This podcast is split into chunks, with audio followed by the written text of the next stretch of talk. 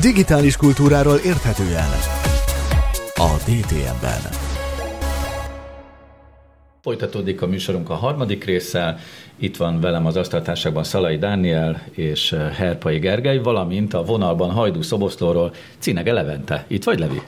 Itt vagyok, ismét köszöntök mindenkit, a most bekapcsolódottakat is persze. Szuper! És akkor onnan folytatjuk, ahol az előbb abba hagytuk a zenével, mert nem csak te dolgozol zenei rádióban, hanem többen mások is, de hát most kérlek szépen, kedves Levente, a zenei rádiók elég nagy veszélyben vannak, nekem úgy tűnik, mert hogy különböző internetes szolgáltatások, főleg a zenei streaming szolgáltatások kezdik átvenni a ti szerepeteket.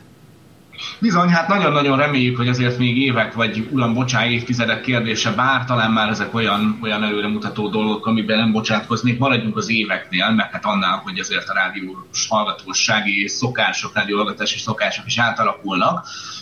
Gondolok itt arra, hogy Amerikában már a tartalomszolgáltatás megint a nap 24 órájára ki fog terjedni. Pontosan amiatt, amit már is megmutatok nektek, hogy régen CD tárakkal járkáltunk, most meg ilyenekkel járkálunk, hogyha van előfizetésünk, vagy van valami ingyenes licenszünk rá, vagy szolgáltatói, ugyanis ez maga az Apple Music, a Hungaraton, a Warner Music, a univerzális, még számos más lemez cég teljes anyagával egy több millió lemezre kell gondolni. És akkor te ezt használod is, ugye? Én, én nagyon-nagyon-nagyon-nagyon is használom, kicsit rossz volt ez a kifejezés, de én borzasztó módon el vagyok tőle hűlve teljesen. Körülbelül egy hónappal ezelőtt akadtam rá ennek az új iPad-nek a kapcsán, hogy el kéne kezdeni ezt használni. Mondom, az első három hónap ingyenes, aztán majd meglátom, hogy használom de én, mint rádiós és, és zene szerető ember is totálisan oda vagyok. Főleg attól, ami egy nagyon-nagyon érdekes dolog a hazai felhasználók számára az Apple Music-nál, hogy a Hungaroton az 1950-es évektől napjainkig bedigitalizált mindent, ami náluk megjelent, még olyan adathordozókat, olyan lemezeket, kazettákat is, amik amúgy digitálisan eddig nem léteztek, gondolok itt régi komoly zenei kiadványokra, kabarékra, olyan együttesek, olyan albumaira, akik nem tudták kifizetni a CD-s megjelenést. És Talán akkor ez is elérhető egy amerikai szerveren, ezzel a bizonyos Apple Music szolgáltatásban? Ez totálisan elérhető, itt igazából nyilván nem feltétlenül egy amerikai szerverre kell gondolni, hanem mivel a világ számos országában jelen van, így biztos vagyok benne, hogy különböző adattárak, így a hongoloton teljes zenei adatbázissal sem biztos, hogy, hogy Amerikában helyezkedik el, hanem lehet, hogy éppen pont tületek 5 kilométerre Budapesten. Közben egyébként meg tudom mutatni néhány képet is a szolgáltatásból, csak közben, hogy a beszélgetés alatt is lássunk néhány illusztrációt ehhez, de folytassuk uh-huh. azzal, hogy hogy ugye én kicsit provokatív indításnak szántam azt Levente, hogy, hogy a zenei rádióknak a világába bele fog csípni a streaming szolgáltatást, tehát amit, amit említettél. De te hiszel ebben? Már most belecsíp, ugye nincsenek azok, mint régen, hogy kazettás magnóval várjuk a kívánság műsorba a Mr. Presidentől a Coco Jumbo telejétől a végéig, vagy ugye Komjáti Gyuri bácsinak klasszikus a Magyar Rádióban, azt hiszem az ő műsora volt a Magnósok figyelem. Bocsánat, hogyha pontatlan voltam. Hanem Melyiket most tényleg az van, hogy az ingyenes szolgáltatásoktól a fizetősökön keresztül keresztül egészen a saját zenei tárházamig, ami mondjuk otthon a nason szerepelhet, csak és kizárólag én, mint felhasználó, mint zenefogyasztó határozom meg, hogy mikor és milyen zenét hallgatok, és valószínű, hogy az emberek nagy többsége itt Magyarországon is éveken belül úgy fogja majd gondolni, hogy ő bizony nem lesz a lineáris rádióadásnak a hallgatója, csak is kizárólag akkor, és ez már Amerikában, mert erre pontosan van megint csak példa, hogyha olyan minőségi prózai tartalommal párosul ez az egész, ahol, ahol a zene a második. Mert hogy azt én határozom meg, de mondjuk azt, hogy egy atomfizikus éppen a nem is tudom, a jég lecserek olvadásáról beszél, azt viszont rádiószerkesztők. Igen, szóval azért is mondtam én ezt provokatívan az előbb, mert hát pontosan tudom, hogy egy zenei rádió esetében sem csak a zene az érték, amit a hallgató megkap, hanem például a hírszolgáltatás, vagy a műsorvezető személye, ahogyan köríti azokat a zenéket, milyen érdekességeket mond el, tehát ezt azért sokan tudják mondani, csak mégis, mintha sok ember fejében ez úgy állna meg, hogy azért hallgatja a streaming szolgáltatást, pontosan azért, mint amiért a, a zenei rádiót is. Tehát a fő motiváció az mégiscsak a, a zene benne. Szerintem ez megint csak egy olyan tendencia, amire, amire oda kellene figyelnünk és vissza kellene térni. Én még akár ezt a veszélyt is látom, hogy mondjuk a beszélő rádiók lesznek majd hosszabb távon a, az, az érvényesek a rádiós piacon, és a zene pedig megmarad ilyen módon, vagy pedig elindulnak ilyen, ilyen hibrid rádiók, ahol nagyon is fontos a, a a beszélt tartalom, tehát hogy milyen csevegéseket tesznek a zene mellé. Ez még azért érdekes, hogyha beleszólhatok, hogy... Egyébként a szöveget is, uh, bocsáss meg, közben nem hallottam Mondja csak, Levente, mondjad, majd utána elmondom, okay. ami belefér. Szóval, uh, ugye ez is egy nagyon érdekes dolog, hogy a prózai tartalmak fogyasztására itt van például a DTM podcast is egy baromi jó példa egyébként a világban és Magyarországon is számos más tematikus podcast létezik, ides tovább 2005-2006 óta is online is egy jó pár éve, amikor a szövegi tartalmat szintén én fogom majd megint meghatározni, hogy mikor és milyen tartalmú szövegeket fogok hallgatni, de még, még ennek is van azért idő kérdése. Azt akartam csak hozzátenni egyébként, hogy az is nagyon érdekes, hogyha megnézzük, hogy mondjuk Budapesten vagy akár Magyarországon beszélő rádiók, hát alig vannak.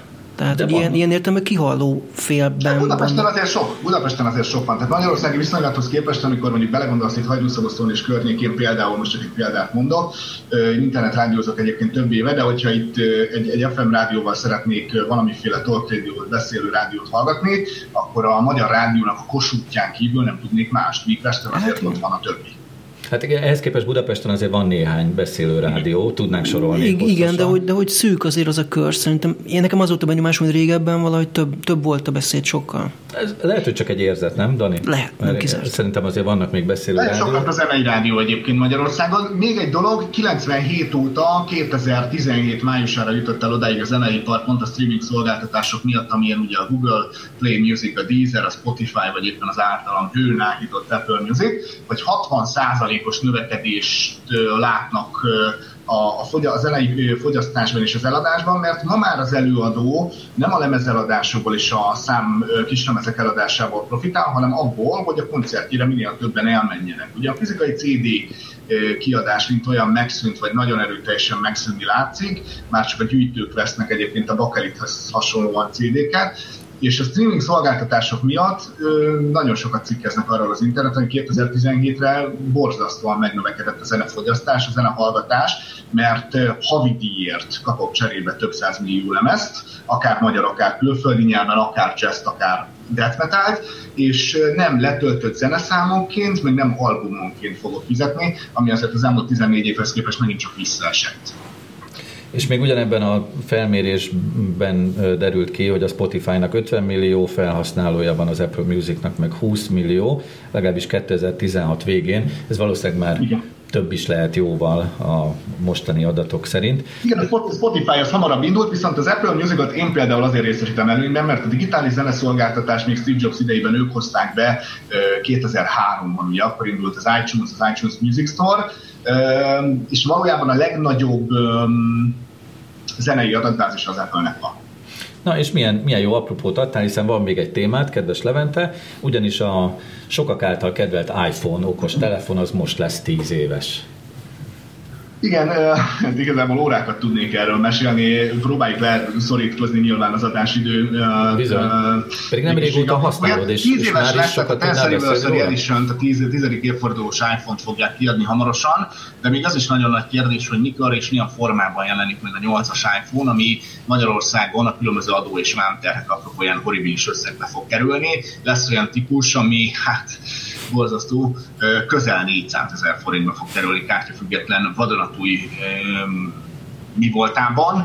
Ami mellett eltörpül az a tény, hogy igazából a gyűjtők tényleg várnának egy tizedik évfordulós, egy Tenth Anniversary kiadást, amely valószínűleg külsejében nagyon fog hasonlítani a 2007 júliusban hivatalosan kiadott változatra. Van egy kis Viszont, bejátszásunk is különben, amiben meg tudjuk mutatni ennek a telefonnak a kinézetét. Én azt a részét választottam ki, amikor megmutatják még a belsejét is ennek a iPhone okos telefonnak. Ezt mindjárt látjuk, csak közben folytas Levente nyugodtan.